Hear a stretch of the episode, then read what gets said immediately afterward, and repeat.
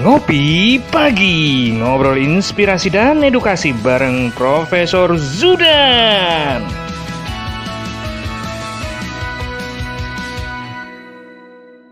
Cara ini didukung oleh Desa Wifi Tol Langit Desa Indonesia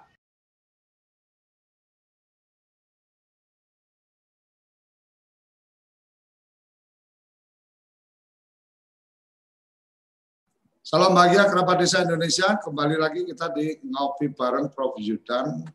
Pagi ini uh, kita akan berbincang-bincang melanjutkan yang kemarin yaitu tentang pelanggaran administrasi kependudukan apa sanksinya. Jadi kemarin kita sudah mendapatkan satu uh, apa gambaran bahwa ada ada beberapa hal tentang administrasi kependudukan yang itu bisa masuk dalam apa wilayah-wilayah pelanggaran dari mulai memberikan informasi yang tidak benar, kemudian kemudian me, apa, mengganti data-data yang ada di uh, kartu tanda penduduk elektronik dan seterusnya.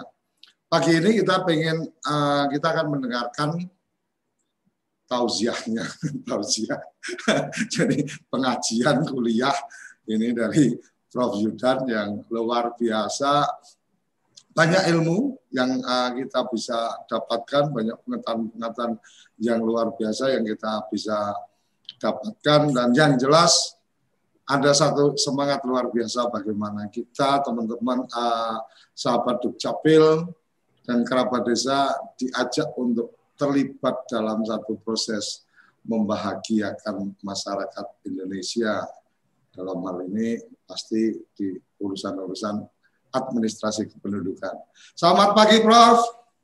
Selamat pagi, Mas Suryo Koco, seluruh rekan-rekan kerabat desa yang berbahagia, sahabat Dukcapil, dan seluruh pemirsa TV Desa. Salam bahagia, salam hormat, dan salam hangat dari kami di Pasar Minggu. Semuanya semoga selalu sehat-sehat.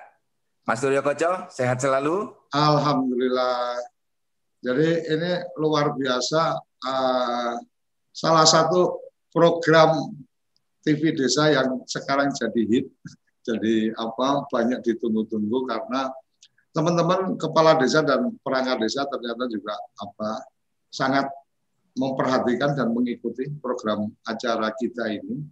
Uh, semoga ini menjadi cara yang efektif untuk kemudian apa cita-cita dari teman-teman Dukcapil, sahabat Dukcapil untuk kemudian memberikan uh, layanan terbaiknya membuat masyarakat menjadi lebih bahagia karena data-data kependudukan semakin banyak uh, bisa berbicara, semakin apa, uh, semakin bisa hidup data-data itu. Salah satu yang kemarin luar biasa juga, Prof. Kita terima apa dari salah satu program kita ternyata kesadaran data ini manfaatnya sangat luar biasa. Jadi salah seorang kepala desa di Sulawesi ketika kemudian kesadaran datanya atas data ini terbangun, memanfaatkan anak-anak muda membuat peta dan pendataan, itu kebijakan-kebijakan atau keputusan-keputusan yang diambil dalam proses perencanaan desa itu menjadi lebih tepat dan bahkan apa bisa menghindari apa agenda-agenda program yang tidak tepat sasaran. Jadi sangat luar biasa. Semoga energi-energi positif, inspiratif ini bisa tersebar ke seluruh desa-desa di Indonesia dan pagi-pagi tiap jam 7 sampai jam 8 barengan bareng sama Prof Yudan ini semakin menyadarkan tentang perlunya data kependudukan. Prof, pelanggaran administrasi kependudukan apa sanksinya? Jadi uh, kalau kemarin kita mendengar ada bagian yang kemudian ada sanksi pidananya dan seterusnya. Mungkin uh, Prof Yudan bisa memberikan gambaran apa uh, panjangnya sebenarnya celah mana saja yang kemudian itu bisa dianggap sebagai dalam tanda petik pelanggaran dalam proses administrasi kependudukan. Silakan Prof. Ya. Terima kasih Mas Suryo Koco. Pagi hari ini kita bertemu kembali. Semoga semuanya berbahagia dan sehat. Ada yang saya sebagai pelaksana sekaligus penanggung jawab akhir layanan administrasi kependudukan dan sebagai birokrat yang sudah lama bekerja di pemerintahan 20 tahun lebih. Kemudian saya sebagai Ketua Umum Korps Pegawai Republik Indonesia itu melihat kalau terjadi pelanggaran itu sanksinya minimal ada dua, Mas. Pertama, sanksi yang dijatuhkan oleh masyarakat dan yang kedua sanksi yang dijatuhkan oleh negara. Ini dari perspektif siapa yang bisa menjatuhkan sanksi. Dan sanksi yang paling berat bagi institusi sebenarnya adalah sanksi yang dijatuhkan oleh masyarakat. Nah, beberapa hari ini kami di Dukcapil itu sedang berduka karena ada berita satu dari Surabaya, dari kota Surabaya adanya penduduk yang mengurus akte kematian dipingpong di sana. Dari tingkat kelurahan tidak mendapatkan informasi dan penyelesaian yang baik. Kemudian di dinas dukcapilnya mendapatkan informasi yang keliru terhadap proses-proses yang sedang ditempuh. Sehingga ibu itu yang mengurus itu harus diberi informasi dan terjadi misinformasi. Karena informasinya tidak clear. Sehingga ibu ini mengurusnya ke Jakarta. Padahal di Jakarta kan tidak mengurusi penerbitan akte kematian. Oh, Oke. Okay. Nah, sekarang viral jadi berita. Sehingga ini terkesan birokrasi ini, terutama di layanan adminduk, itu buruk sekali. Hmm. Nah, inilah Dukcapil sedang dihukum oleh masyarakat gara-gara satu pemohon saja. Iya. Gara-gara satu berita saja. 514 kabupaten kota terkena dampaknya. Padahal kalau kita lihat kasus ini bisa diselesaikan di Surabaya, cukup di lokal Surabaya karena memang kasusnya kasus di tingkat lokal. Orang mengurus akte kematian, kalau ada persyaratan yang kurang, ada problem teknis, bisa diselesaikan di tingkat lokal. Tetapi karena handlingnya tidak bagus, aparaturnya yang memberikan penjelasan bukan aparatur yang kompeten, dan aparaturnya ini sok tahu, tidak mau bertanya kepada pejabat yang lebih tinggi atau pejabat yang menangani sehingga ibu ini si masyarakat ini mendapatkan informasi yang keliru. Jadi ini Mas berat dan, betul sanksi dan, dari dan, masyarakat. Dan lebih pak dan lebih payah lagi sekarang ketika sudah sampai di sosial media itu kan netizen netizen ini kan uh, selalu benar dengan semua ucapannya kan. Ya. Jadi seolah-olah yang diberitakan itu selalu benar. Iya, betul, betul. Nah, kasusnya ini sudah selesai di tanggal 23 September, Mas. Hmm. Sudah selesai satu bulan lebih. Tapi masih baru beritanya bukan beritanya baru digorengnya sekarang. Oh, dengan bumbu-bumbu, dengan pemarah. Nah, hal-hal yang seperti ini sebenarnya berawal dari satu misinformasi. Yang hmm. kedua, handling masalah yang tidak tepat di tingkat lokal. Dan hmm. dampaknya kepada seluruh birokrasi ini, semua birokrasi terdampak seolah-olah semua buruk seperti itu. Padahal banyak daerah-daerah yang berprestasi bagus, berkinerja tinggi, pelayanannya bagus. Tetapi kita tidak boleh mengatakan, ya itu hanya satu, tidak. Kita harus memberikan satu pemahaman yang benar, sehingga tidak muncul lagi kasus serupa. Nah, ini sanksi pertama dari masyarakat itu berat. Yeah. Sanksinya satu titik, kasusnya satu orang, tapi berdampak kepada seluruhnya. Nah, hikmah positifnya adalah Dukcapil harus selalu berbenah. Kalau tidak tahu, kita kan tidak semuanya tahu sebagai penyelenggara pemerintahan. Kalau tidak tahu, beritahu, maaf Bu, maaf Pak, kami belum tahu, silahkan duduk dulu, kami cek dulu. Maaf Bapak dan Ibu, mohon tunggu sebentar, kami tanyakan. Gunakan bahasa yang baik, gunakan bahasa yang sopan, karena bahasa menunjukkan jati diri kita, siapa kita itu. Kalau nah, dalam Prof, bahasa, mungkin, mungkin Prof, bahasa menunjukkan bangsa. Prof, mungkin sekalian sekalian di forum ini untuk kemudian meng, apa, menginformasikan ke publik. Sebenarnya case-nya seperti apa itu, Prof, kalau boleh? Ya, jadi kasus yang terjadi di Surabaya ada seorang ibu mengurus akte kematian anaknya. Okay. Nah, dalam mengurus akte kematian itu diurus di kelurahan. Di hmm. kelurahan hmm. tidak selesai. Karena Kemudian ibu ini mengurus ke, uh, saya tidak mendapatkan informasi yang lengkap di kelurahan hmm. karena apa? Tapi mestinya kalau kelurahan tidak bisa menyelesaikan, yang kelurahan ini proaktif ke tingkat kabupaten, menanyakan Pak, kami solusinya bagaimana. Jadi hmm. jangan dibiarkan masyarakat ini bergerak sendiri. Hmm. Karena kan style selayanan admin itu style sel aktif. Hmm. Jadi kami selalu memotivasi, memberikan bimbingan kepada teman-teman daerah, jangan masyarakat yang bergerak. Kitalah yang meminta informasi. Ya. Jadi layanan itu berhenti di satu titik. Karena layanan kita kan sudah bisa tanda tangan digital. Ya. Dokumennya dikirim ke kabupaten, dikirim ke tingkat kota, kemudian hasil layanannya dikirim lewat file, dicetak di kelurahan. Itu ya. sudah bisa sekarang. Jadi masyarakat jangan yang diminta bergerak, cukup dokumennya saja. Nah, inilah solusi yang kita tawarkan. Nah, kepada masyarakat juga demikian, jangan orangnya ikut bergerak. Kalau ada masalah tanya dulu lewat by phone ya, lewat WhatsApp biar dipetakan masalahnya dengan baik. Iya. Karena nanti kalau masalahnya rumit, petugasnya yang rapat. Tidak perlu masyarakatnya yang ikut rapat, biar kami yang mencarikan solusinya. Karena masyarakat nanti tinggal melengkapi persyaratan-persyaratannya. Nah, kasusnya kemudian dibawa ke kota Surabaya. Memang di kota Surabaya ini sedang lockdown pada waktu itu karena hmm. ada yang terpapar COVID-19. Tidak semuanya masuk. Nah, dia dipingpong dari bagian A ke bagian B. Ya, ibu ini letih, capek. Hmm. Kemudian ketemu petugas yang mengatakan, oh ini bermasalah. Masalahnya hanya bisa diselesaikan setelah konsul ke Kementerian Dalam Negeri. Hmm. Nah, ini pejabat ini atau staf ini tidak menguasai persoalannya. Dengan hmm. dia memberikan keterangan masalahnya akan diselesaikan setelah konsul ke Kementerian Dalam Negeri. Nah, ibu ini langsung berangkat ke Kemdagri ingin konsul sendiri. Nah, berangkatlah ke Kementerian Dalam Negeri ke Medan Merdeka Utara, kantor di sana. Di sana kan tidak melayani administrasi kependudukan, datanglah ke kantor di sini. Dilayani di Dukcapil. Ya, kita juga bertanya, Ibu, kami melayani konsultasi saja.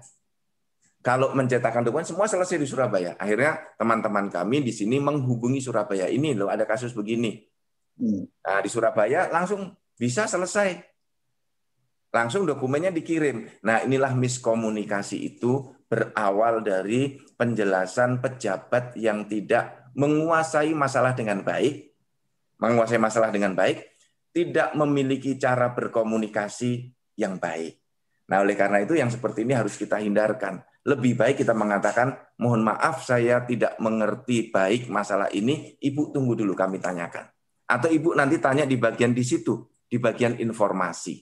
Nah inilah yang perlu terus kita, saya sebagai penanggung jawab akhir, layanan adminduk untuk memberikan penguatan-penguatan kepada teman-teman di daerah. Karena sanksi, ini kan bagian dari sanksi yang diberikan oleh masyarakat. Paling, paling bahaya itu orang-orang sok tahu gitu ya, Prof? Iya. Ini kan terjadi fenomena kalau di dalam uh, keseharian itu yang disebut fenomena blind leading blind. Jadi blind leading blind itu mohon maaf saya tidak me menganggap misalnya orang buta itu salah, itu enggak, tidak. Tapi saya ingin menganggap fenomena dari berita yang salah, dari informasi yang salah diikuti oleh orang yang tidak mengerti sehingga yang tidak mengerti itu langsung bergerak mengikuti informasi yang salah itu. Itu yang disebut fenomena blind leading blind. Jadi informasi yang salah diikuti oleh orang yang tidak mengerti, terjadilah praktek yang salah. Ini kan orangnya sampai di Jakarta. Nah, inilah fenomena yang tidak boleh terjadi lagi untuk dalam layanan administrasi kependudukan.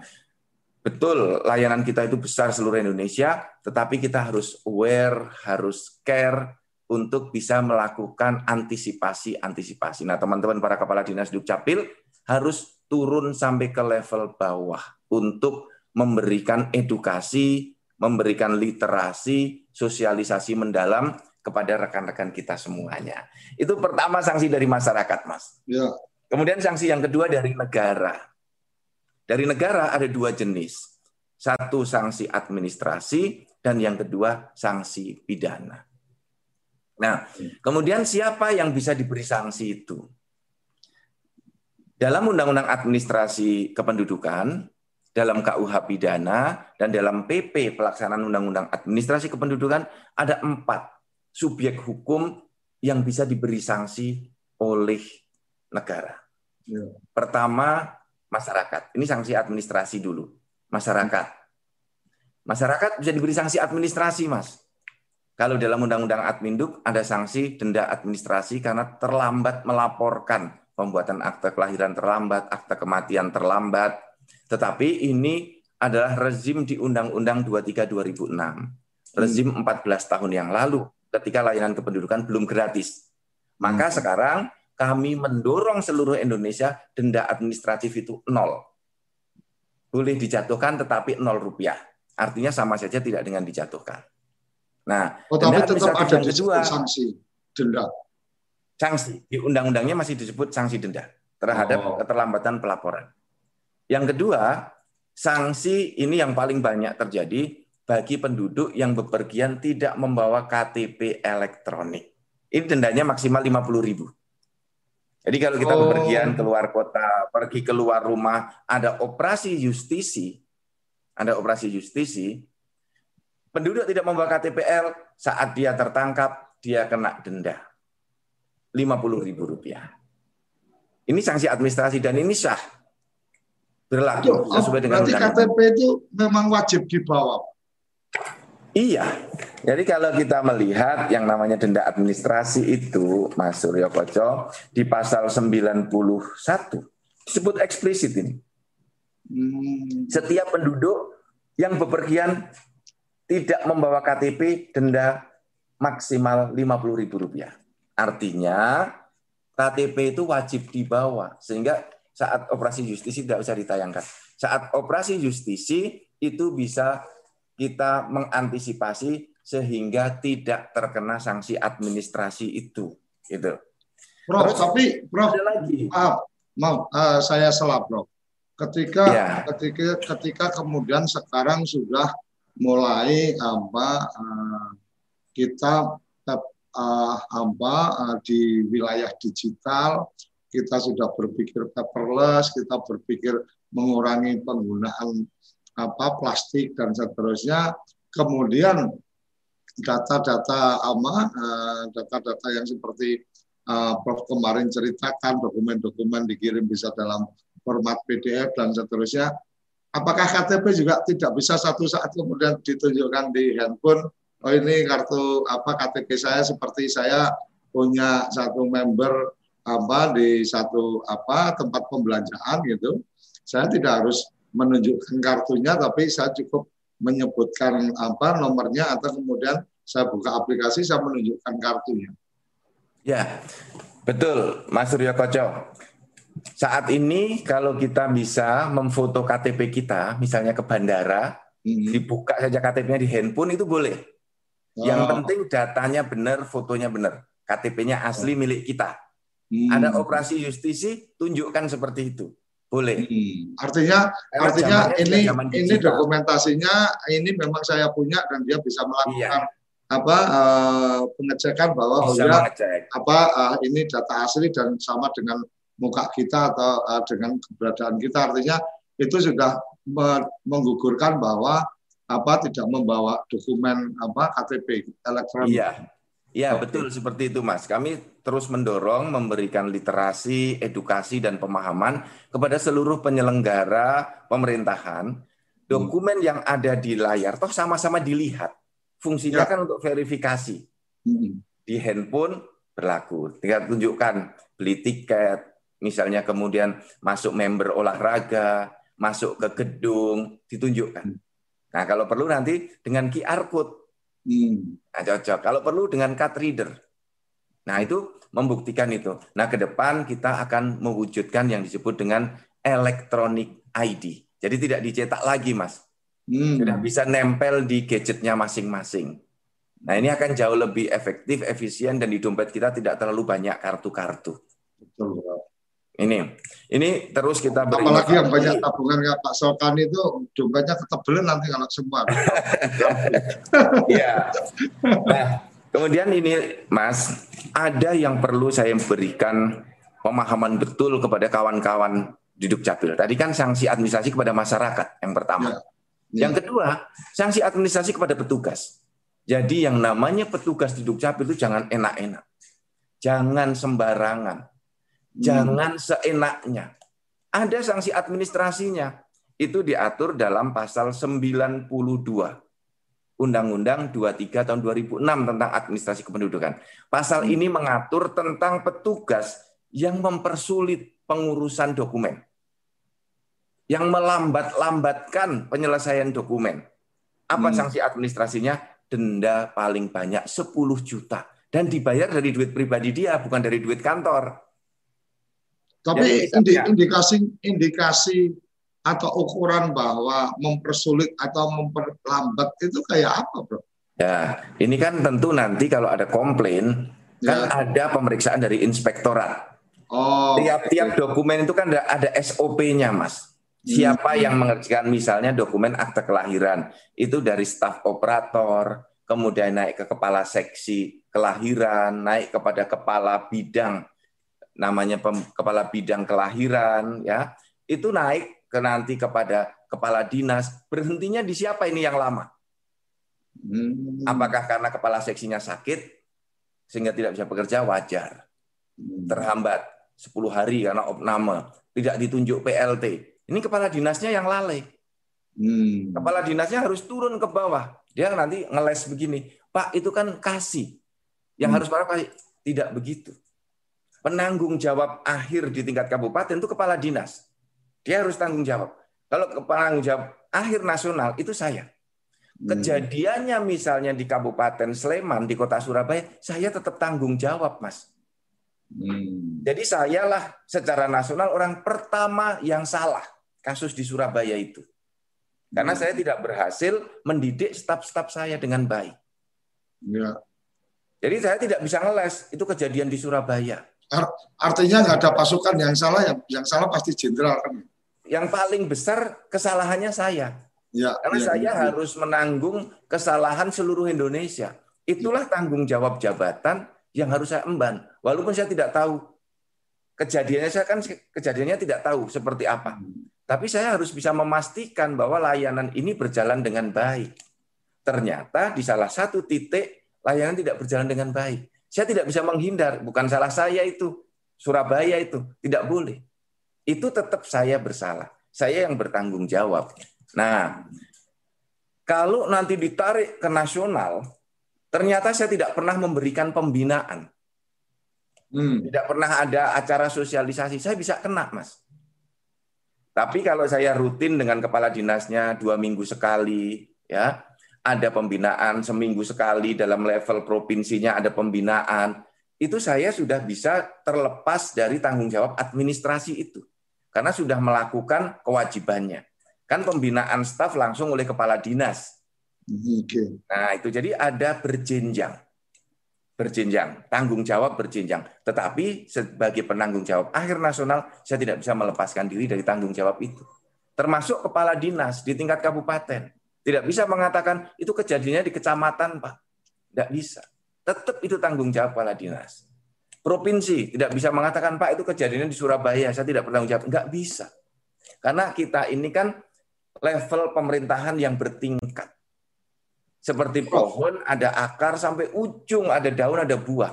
Enggak mungkin buah itu keluar kalau tidak ada akarnya yang bekerja. Tidak mungkin daun itu keluar ah. kalau tidak ada batang yang mengalirkan nutrisinya. Nah, filosofinya seperti itu. Jadi teman-teman, yang bekerja di level paling bawah ya para operator, petugas pelaksana harus ingat betul ada pasal 92.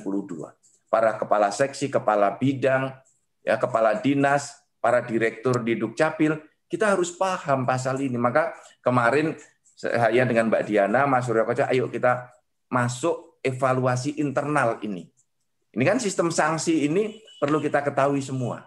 Jadi itu hmm. Mas, sanksi administrasi bagi petugas Dukcapil. Nah, nanti kita juga bisa bergeser setelah ini kepada sanksi pidananya. Prof, uh, mungkin uh, ketika tadi Prof sampaikan ada standar pelayanan dan seterusnya, uh, kemudian tanggung jawab akhir tetap di apa di Prof Yudan atau tetap di pasar Minggu.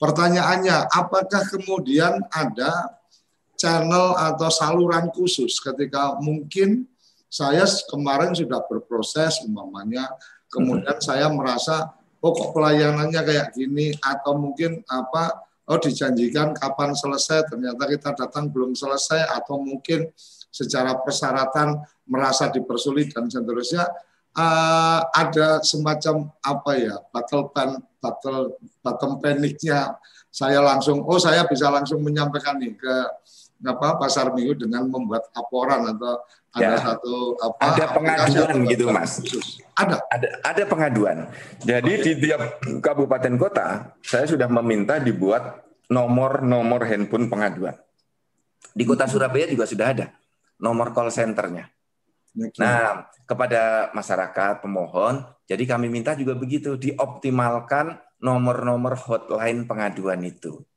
kalau di hmm. Dukcapil kita ada di 1500537. Kemudian ada nomor WhatsApp-nya, nanti saya carikan di, di sesi yang kedua, hmm. nomor call center, pengaduan, dengan WhatsApp, dengan Facebook, dengan SMS, ada Mas. Jadi hmm. sejak tahun 2017, kami sudah menyiapkan komplain handling seperti itu di tingkat pusat. Nah, kita minta daerah juga mengikuti seperti itu. Artinya kalau menyampaikan nih apa kayak si ibu tadi, kemudian menyampaikannya langsung apa melalui saluran-saluran itu, walaupun sampai apa uh, penyampaiannya ke pusat, nanti teman-teman dari pusat akan membantu mengkomunikasikan ke iya. daerah yang bersangkutan, kan, bro? Betul. Jadi dari kami ditindaklanjuti ke daerah. Hmm. Biasa ada WhatsApp. Ini kan kita ada grup-grup WhatsApp, Mas, dengan seluruh provinsi dan kabupaten kota kalau ada pengaduan masuk ke saya, langsung share ke tingkat provinsi itu. Kalau masuk ke kawan-kawan yang lain, misalnya tidak masuk lewat call center, juga kita bantu. Nah, yang call center juga khusus, kita ada 26 orang shift-shiftan untuk membantu menyelesaikan masalah-masalah itu. Jadi nggak usah khawatir masyarakat, kalau ada pengaduan, kami akan proses membantu menyelesaikan sampai masalah itu selesai. Oke.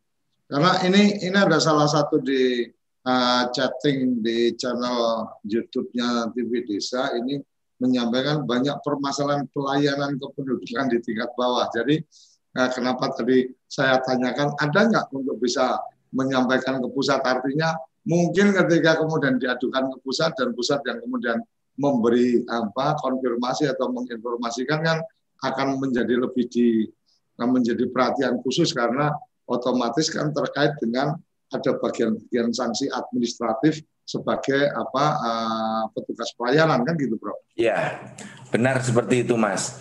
Jadi yang harus kita bangun itu sekarang agar masalahnya tidak banyak, komitmennya harus sama.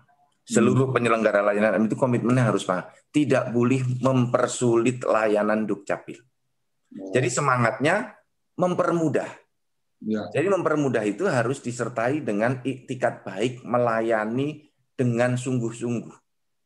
Dengan hati senang, dengan penuh senyum, dengan salam, dengan sapa. Ya. Sehingga masyarakat yang datang itu merasa betul-betul masuk ke ruang-ruang yang negara itu perhatian betul dengan dirinya.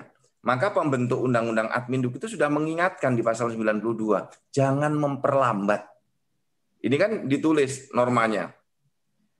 Pelak petugas pada instansi pelaksana atau pejabat pada instansi pelaksana yang melakukan tindakan sengaja memperlambat. Sengaja hmm. memperlambat. Jadi dilambat-lambatkan. Sudah selesai, nggak segera diumumkan. Sudah selesai disimpan di lacinya. Sudah selesai, kemudian dia mengatakan, ya tunggu dulu, besok tiga hari lagi. Itu memperlambat itu kena sanksi. Pasal ini denda 10 juta rupiah yang paling tinggi. Seperti itu, Mas Ria Koco. Oke, Prof. Uh, kita akan berlanjut lagi karena ini sudah di tengah acara kita. Seperti biasa, kita ngaduk kopi dulu untuk kemudian nanti mendapatkan uh, asupan lagi informasi-informasi luar biasa dari Prof. Judan. Jangan ke mana-mana, tetap di ngopi pagi bareng Prof. Zudan. Sesaat lagi.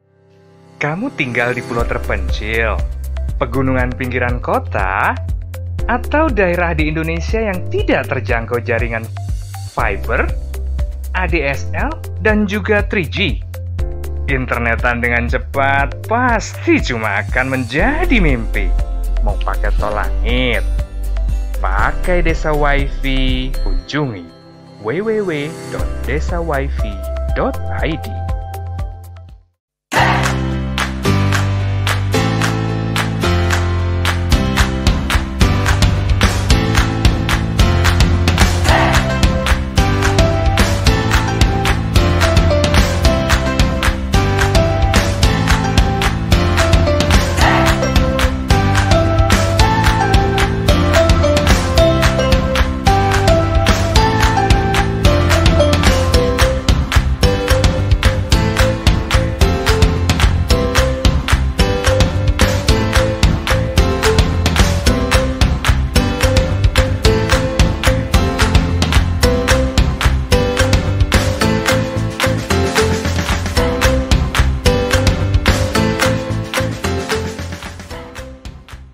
Toko IG.id, toko Instagramnya orang Indonesia.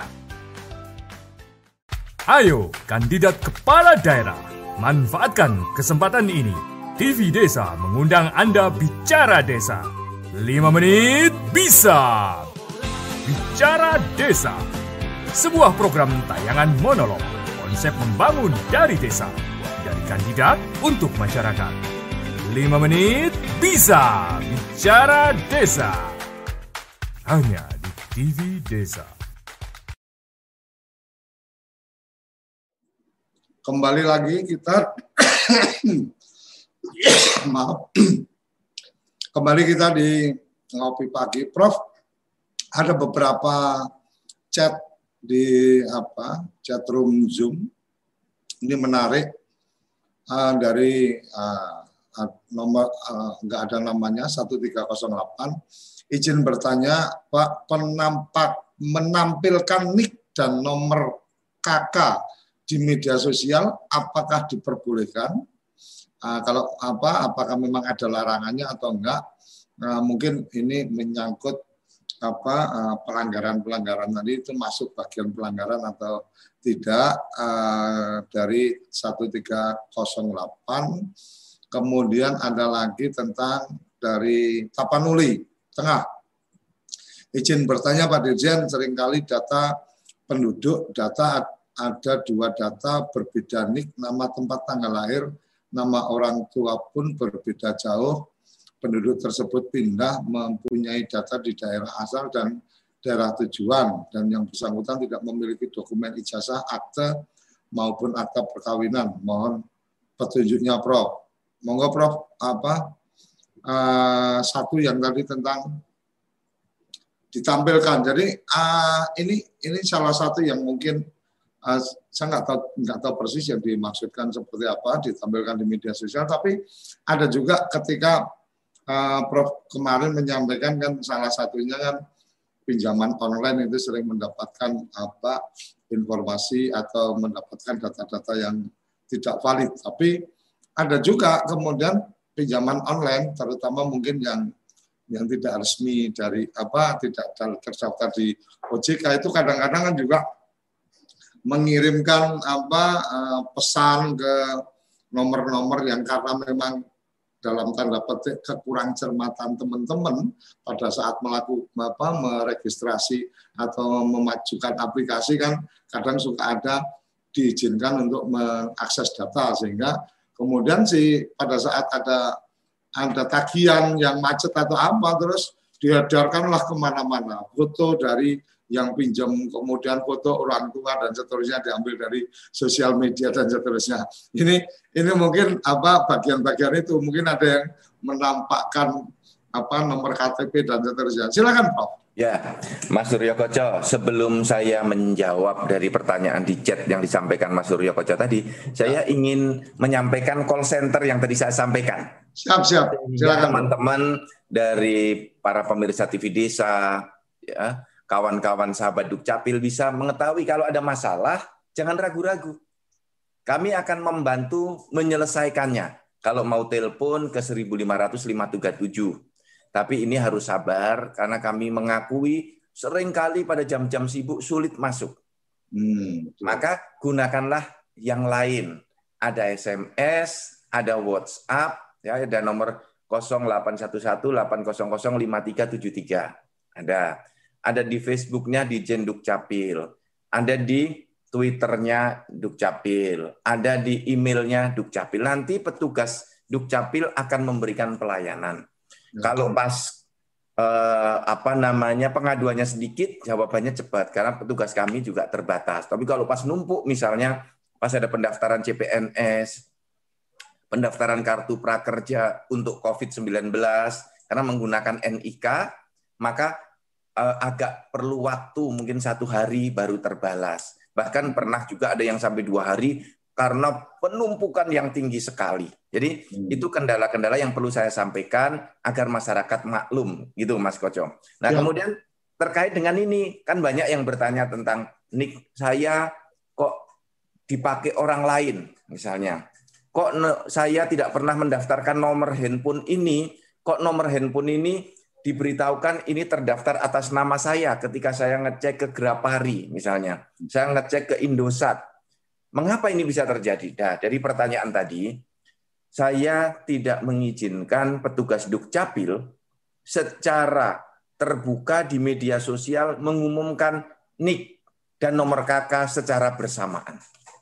Karena NIK dan nomor KK itu bisa digunakan untuk mendaftar kartu prabayar. Hmm. Jadi sekarang itu di Indonesia di media sosial di Google misalnya banyak KTP-KTP bertebaran di mana-mana dengan hmm. NIK, dengan nama, alamat persis data di KTP. Nah, itu perlu kita cermati. Saya sudah meminta di Kementerian Kominfo untuk men-take down, untuk menghapus yang ada di Google itu, koordinasi dengan Google bertahap dilakukan. Tapi ternyata muncul lagi, bertambah lagi. Nah, oleh karena itu rekan-rekan Dukcapil semua, sahabat Dukcapil, kerabat desa, jangan mengumumkan ini nik dan nomor kakak penduduk ini, KTP-nya sudah jadi tidak begitu. Cukup diinformasikan. Oh. Penduduk dengan NIK ini KTP-nya sudah selesai. Atau nama penduduk ini dari desa ini KTP-nya sudah selesai.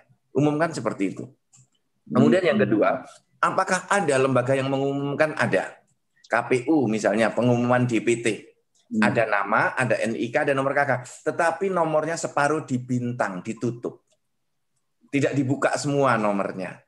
Sehingga orang tidak bisa mengetahui itu NIK-nya milik siapa, nomor KK-nya berapa, ya maaf NIK-nya bisa diketahui pemiliknya karena ada namanya, tetapi nomornya tidak bisa diketahui. Jadi sekali lagi jangan dibuka data-data pribadi penduduk karena itu merupakan rahasia ya yang harus dijaga dan harus dilindungi oleh petugas di instansi pelaksana dan di instansi pengguna. Nah, sekali lagi saya lanjutkan, sanksi administrasi bagi instansi pengguna yang kerjasama, Mas. Ya. Ya, Prof. Halo.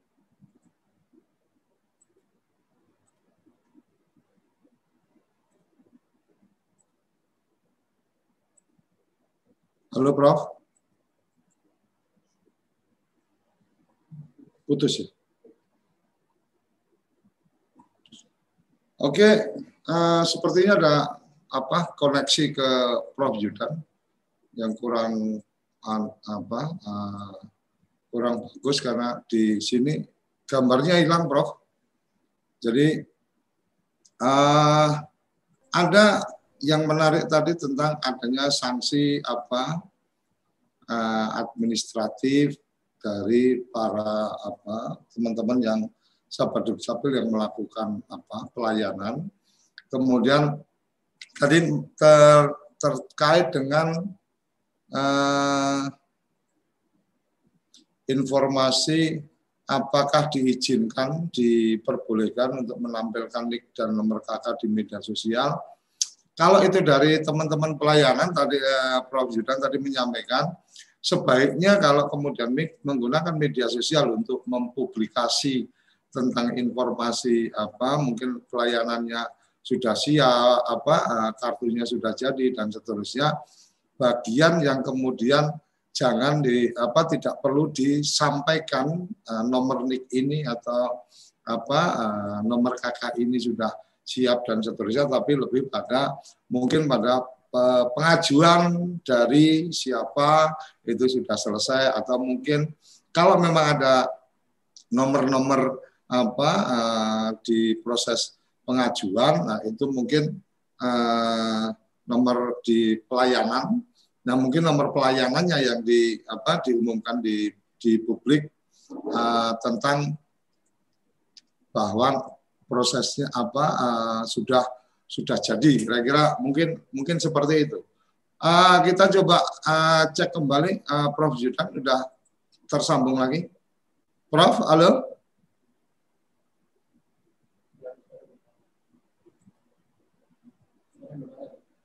Suaranya belum keluar Prof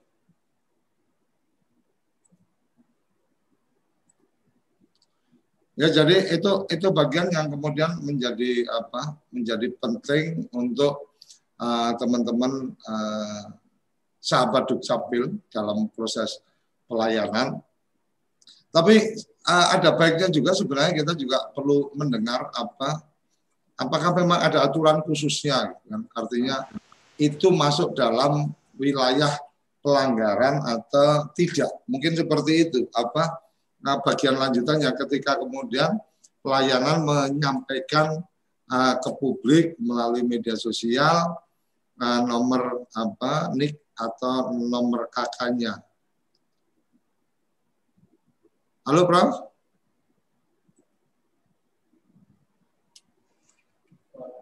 Ya, kalau di sini Pak Surya udah gabung, Prof. Sebentar kami cek ya. Kalau aku ya, sudah masuk audio lagi. videonya sudah ada ya. tapi belum terdengar suaranya. Ya. Oke sambil sambil menunggu mungkin ada yang bisa apa ikut memberikan informasi-informasinya. Jadi ini ini menurut saya menarik ketika memang apakah kemudian data-data kependudukan itu artinya data yang ada di KTP itu termasuk data pribadi rahasia yang tidak boleh dipublikasi kecuali oleh yang bersangkutan. Kalau yang bersangkutan yang mempublikasi mungkin ceritanya beda. Tapi kalau mama saya mengupload foto KTP apa orang lain hmm. tanpa memberikan apa tanpa menghilangkan data-data tertentu dan seterusnya, apakah itu masuk dalam wilayah pelanggaran atau enggak? Halo, Mas ya, Surya bisa mendengar suara saya? Ya, ya, Prof. Silakan, ya. Prof. Saya mendengar dari Mas Suryo, Mas Suryo Koco dan teman-teman semua. Pertama, kalau penduduknya itu mengupload sendiri dokumennya tidak ada masalah. Okay. Karena atas kehendak sendiri itu yang disebut uh, sebagai concern, hmm. memulihkan dirinya. Nah, tadi yang saya maksudkan adalah ketentuan di pasal 80 uh, eh, pasal 85 itu yang meminta bahwa instansi pelaksana harus melindungi rahasia data pribadi penduduk. Jadi nggak boleh. Misalnya saya sudah uh, mencetak KTPL dalam jumlah massal, ada jemput bola, kemudian KTP yang sudah jadi kita umumkan di Facebook, KTP-nya difoto satu-satu, itu nggak boleh. Hmm. Karena ada data yang harus dilindungi di sana. Ya, ya. Gitu, seperti itu, Mas Surya Kocok. Art, artinya data itu uh, menjadi data rahasia oleh Dukcapil, tetapi uh, kemudian kerahasiaan itu terserah pribadi masing-masing kalau kemudian akan mempublikasikan kan gitu bro. Iya. Artinya betul. kalau instansinya nggak boleh membagikan, iya. tapi kalau yang bersangkutan kemudian narsis memamerkan, oh ini udah jadi kakak saya udah jadi, ya itu salah dia sendiri kalau umpama kemudian ada yang memanfaatkan kan gitu bro. Ya, jadi kalau data itu dibuka oleh pemiliknya, oleh dirinya sendiri, itu tanggung jawab pemiliknya sendiri. Karena oh. dia atas kesadaran penuh membuka datanya. Nah, yang tidak boleh adalah penyelenggara layanan instansi-instansi pengguna membuka data nasabahnya. Itu nggak boleh. Hmm. Kemudian petugas Dukcapil membuka data penduduknya. Itu tidak boleh. Karena itu itu ibarat kata kayak gini ya, Prof. Apa ini kalau kita bicara ke etika, umpama nih hmm. ada teman yang kemudian menghubungi saya, Mas Koco uh, kan sering ke, apa sering ngobrol sama Prof Yudan berarti punya nomor handphonenya dong. Nah, saya jawab iya punya. Boleh ya. saya minta. Lah kemudian saya mesti konfirmasi dulu kan. Iya. Prof ini ada teman minta nomor apa Prof Yudan diizinkan apa enggak kan secara etikanya kayak gitu. Kita nggak bisa langsung share gitu aja kan gitu. Ya. Kira-kira seperti itu ya, Prof. Ya. Artinya, Mudahnya dalam etika pertemanan itu mau memberikan yang bukan milik kita kan nomor itu milik teman. Boleh ya. enggak nomormu diminta? Itu etika pertemanan. Ya. hanya nomor handphone tidak masuk dalam data elemen kependudukan ya. yang harus dilindungi gitu. Tetapi etika pertemanan tetap harus oh, ada tidak boleh ya, main ya, gitu. itu mas. Kemudian yang dari Tapanuli bro di, uh, sering data kependudukan ada dua bidanik, bla bla bla dan seterusnya Pak. Ya, ini teman-teman semua penyelenggara layanan kependudukan, sahabat Dukcapil. Di Indonesia, zaman dulu banyak penduduk memiliki NIK lebih dari satu dengan membuat identitas nama yang disingkat-singkat berbeda-beda. Ada yang lengkap, misalnya seperti saya Judan Arif Fakrullah. Lama lengkap. Kemudian di tempat lain ada orang membuatkan KTP zaman dulu. Ditulis Zudan AF karena nggak tahu kepanjangannya. Dia berniat baik karena jadi mahasiswa saya ketika saya ngajar di luar kota, Pak sudah saya buatkan karena dia camat. Zaman dulu KTP diterbitkan oleh camat. Hmm. Dimasukkan ke dalam database, dia tinggal membuat NIK. Karena zaman dulu belum ada KTP elektronik, penduduk bisa membuat KTP di mana-mana dengan sangat mudah. Nah, oleh karena itu kalau ada data yang banyak dan itu milik satu orang, maka sekarang kita gunakan satu data yang sudah KTP elektronik. Seluruh data yang lain diblok dari pusat, disisihkan, di cleansing. Maka teman-teman di Dukcapil Daerah tidak boleh menghapus data. Nanti dihapus dari pusat. Atau minimal dari daerah melaporkan, Pak di kami ada data ganda seperti ini. Dari pusat nanti akan kelihatan. Nah inilah mengapa berbagai lembaga itu kerjasamanya lewat pusat. Hmm. agar datanya bisa dilihat data secara nasional. Misalnya Bank Rakyat Indonesia, Mas Suryo Koco, dia dari Kabupaten Lok Sumawe bisa membuka data nasabah yang dia membukanya di Jakarta, tapi makan mengambil uangnya di Lok Sumawe bisa, karena menggunakan akses data nasional.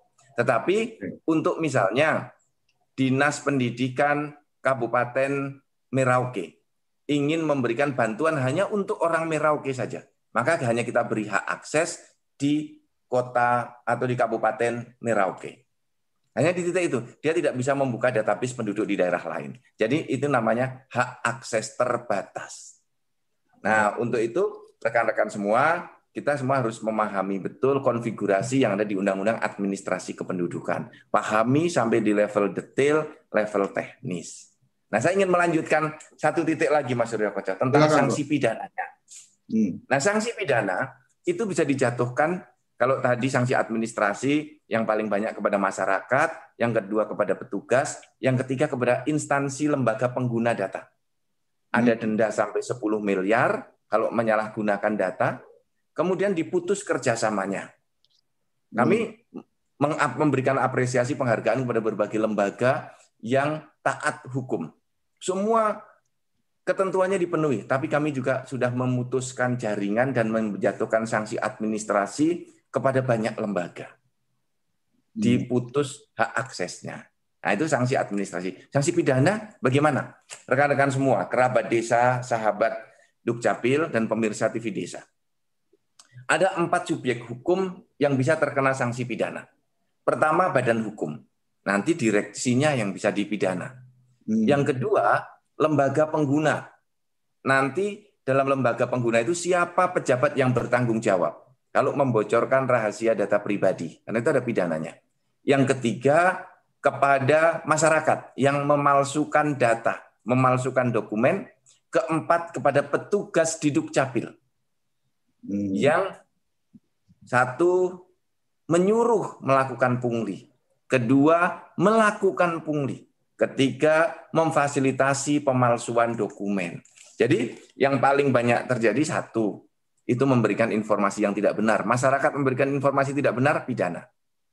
Masyarakat memberikan dokumen palsu, pidana. Kemudian petugas memungut biaya pungli, itu pidana. Bahkan pidananya berat ini. Misalnya ya, ketentuan pidana bagi penduduk yang memalsukan dokumen itu sanksinya bisa sampai maksimal enam tahun, Mas. Memberikan keterangan yang tidak benar atau memberikan sengaja memberikan informasi, memberikan surat, memberikan dokumen yang palsu itu bisa dipidana maksimal enam tahun dan denda 50 juta rupiah. Berat. Jadi masyarakat harus jujur. Berikan informasi yang sebenar-benarnya yang faktual. Nah, kemudian kalau ada orang atau lembaga pengguna instansi mengakses data tanpa hak melawan hukum belum PKS menyalahgunakan datanya, itu pidananya dua tahun. Jadi ini hmm. harus hati-hati betul di situ. Nah ini ini terkait dengan kakak yang pernah saya singgung. Sanksi pidana. Ya kalau ada orang membuat KTP lebih dari satu, pidananya dua tahun. Jadi hati-hati rekan-rekan semuanya. Kalau ada KTP membuat KTP lebih dari satu, tapi kan secara proses nggak bisa, Prof, ketika sudah KTP elektronik. Iya. Apa memang memungkinkan untuk kemudian... Ada, Mas. Ada. Kejadiannya ada. Jadi, ini kerjasama dengan petugas di dalam. Sekarang sudah dipidana. Oh, oke, oke, oke. Karena memang ada petugas di dalam. Jadi, hmm. dengan petugas di dalam, dengan mematikan beberapa fitur-fitur, misalnya fitur sidik jari, ya hmm. sehingga dianggap orang itu cacat, difabel yang membuat oh, itu. Ini kerjasama pasti kerjasama dengan orang dalam kalau kalau artinya kalau bisa kalau bisa punya KTP elektronik lebih dari satu pasti nggak mungkin dilakukan oleh penduduk sendiri. Nggak mungkin. Pasti kerjasama dengan orang dalam. Dan ini hanya menunggu waktu untuk ditangkap karena saat masuk ke dalam sistem ada passwordnya, Mas. Artinya udah ketahuan siapa yang kemudian iya melakukan itu setidaknya yang kemudian yang pegang akses itu si siapa siapa dan seterusnya. Tinggal dicari waktu waktu jam itu siapa yang ada mengakses kan gitu ya Prof. Iya, karena passwordnya satu orang satu, jam berapa dia masuk, jam berapa KTP dicetak, itu pasti ketahuan. Jadi kalau ada orang memalsukan KTP elektronik kerjasama dengan orang dalam, itu hanya tinggal menunggu waktu kapan Anda akan tertangkap. Itu gitu. sebenarnya kan hanya orang-orang bodoh aja yang kemudian apa berani melakukan itu karena uh, rekam jejak digital itu kan apa sangat rigid sekali untuk kemudian bisa menghindarkan gitu, Bro. Iya, benar. Oleh karena itu, saya selalu mengingatkan kawan-kawan, jangan berikan passwordmu pada orang lain, kepada operator yang sudah menjadi atasanmu. Karena tanggung jawab ada pada dirimu. Hmm. Kan? Itu nanti dianggap kita memfasilitasi, Mas.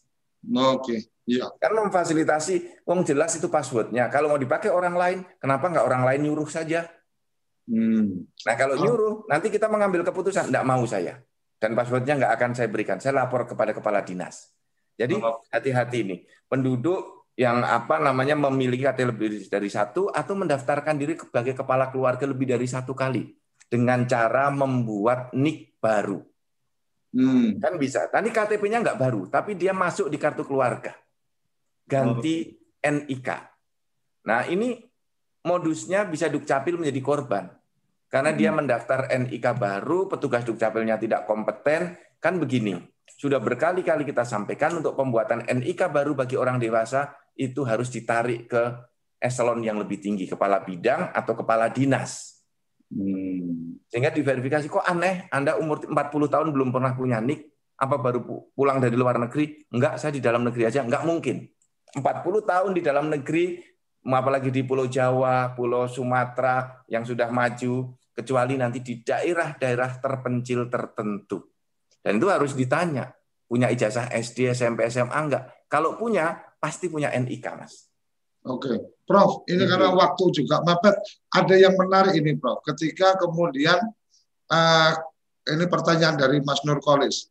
Ketika counter HP menggunakan NIK dan kakak kita artinya atau orang lain untuk pendaftar apa untuk melakukan registrasi pendaftaran kartu perdana uh, orang lain. Artinya si counter ini membantu melakukan pendaftaran tapi menggunakan data kita dan seterusnya. Apakah itu masuk uh, dalam wilayah pelanggaran dan kemudian yeah. bisa diberikan sanksi apa? Kemudian kalau waktu ke mepet nanti sekaligus closing ini Prof.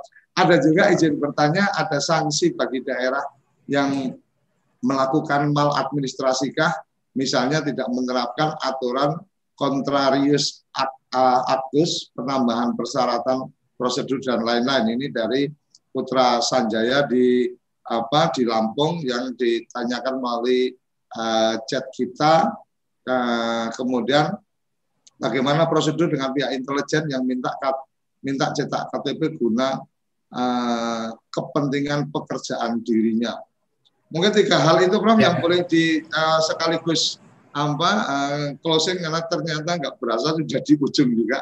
Oh ya masih ada satu lagi izin bertanya dalam penindakan sanksi apakah bisa dilakukan oleh PPNS ini dari Mas Amirullah. Silakan ya. Pak. Terima kasih Mas Suryo Koco, seluruh kerabat desa dan sahabat Dukcapil. Pertama, kita harus bertindak benar dan menjadi orang baik. Seluruh institusi juga harus melaksanakan ikhtiar itu. Oleh karena itu, kalau ada orang menggunakan data orang lain untuk kepentingan tertentu itu pelanggaran. Apalagi menggunakan data itu tanpa izin. Misalnya dari eh, konter-konter handphone menggunakan NIK dan NIK orang lain untuk mendaftarkan ke kartu prabayar, itu ada pelanggaran administrasi dan pelanggaran pidananya, memberikan dokumen yang tidak benar. Ya, untuk hmm. keperluan yang nanti bisa disalahgunakan dalam berbagai bentuk kejahatan. Yang kedua, Sanksi administrasi kami banyak memberikan teguran kepada daerah yang tidak berkinerja sesuai dengan ketentuan, baik kinerjanya rendah ataupun melanggar ketentuan di dalam Undang-Undang 23 2006, PP 40, Perpres 96 dan berbagai peraturan menteri dalam negeri. Kami memberikan teguran tertulis, itu bentuk sanksi administrasi, termasuk pelaksanaan kontrarius actus.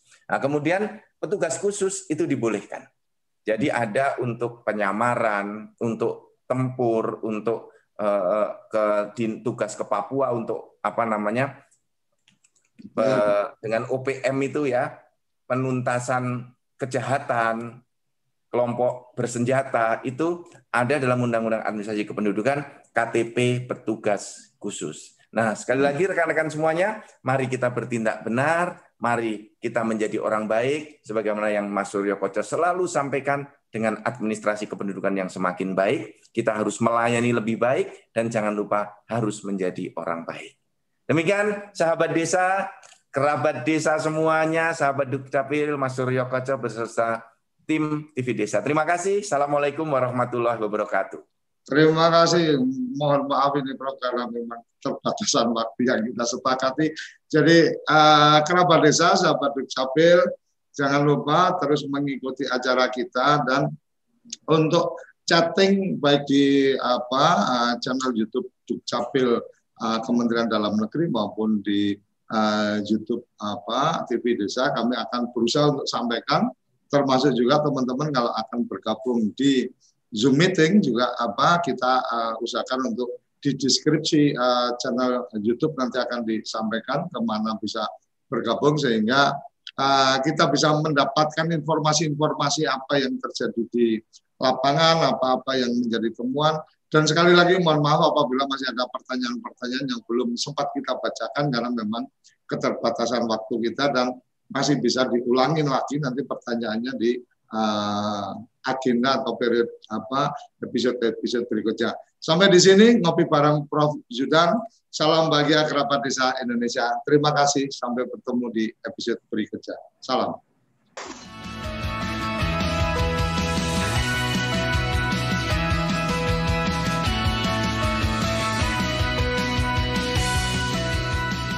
Ngopi Pagi, ngobrol inspirasi dan edukasi bareng Profesor Zudan.